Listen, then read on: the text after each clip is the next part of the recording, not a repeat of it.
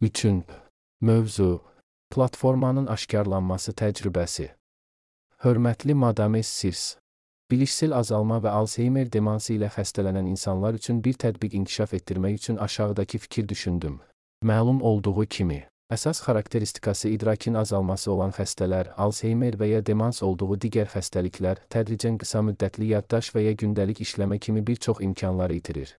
Fikir proqram təminatını və ya bu vəziyyətdə olan insanlar üçün hazırlanacaq bir sistem qurmaqdır. Problem insanın istifadə etdiyi bütün proqram və ya sistemləri cəmləşməkdir və süni intellekt sistemi vasitəsilə əməliyyat mexanizmi daha sadə və sadə olacaqdır, xəstəlik irəliləyir.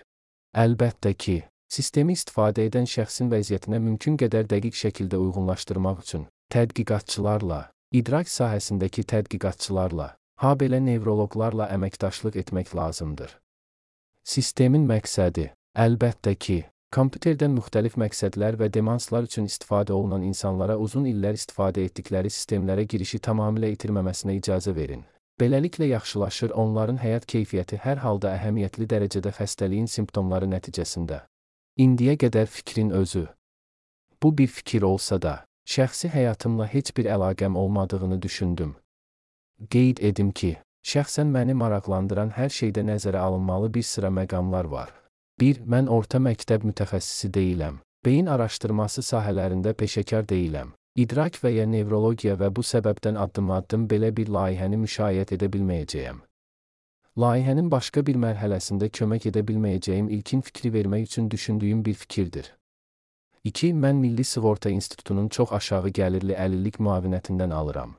Buna görə də fikri reallaşdırmaq üçün heç bir büdcə qoymaq imkanım yoxdur.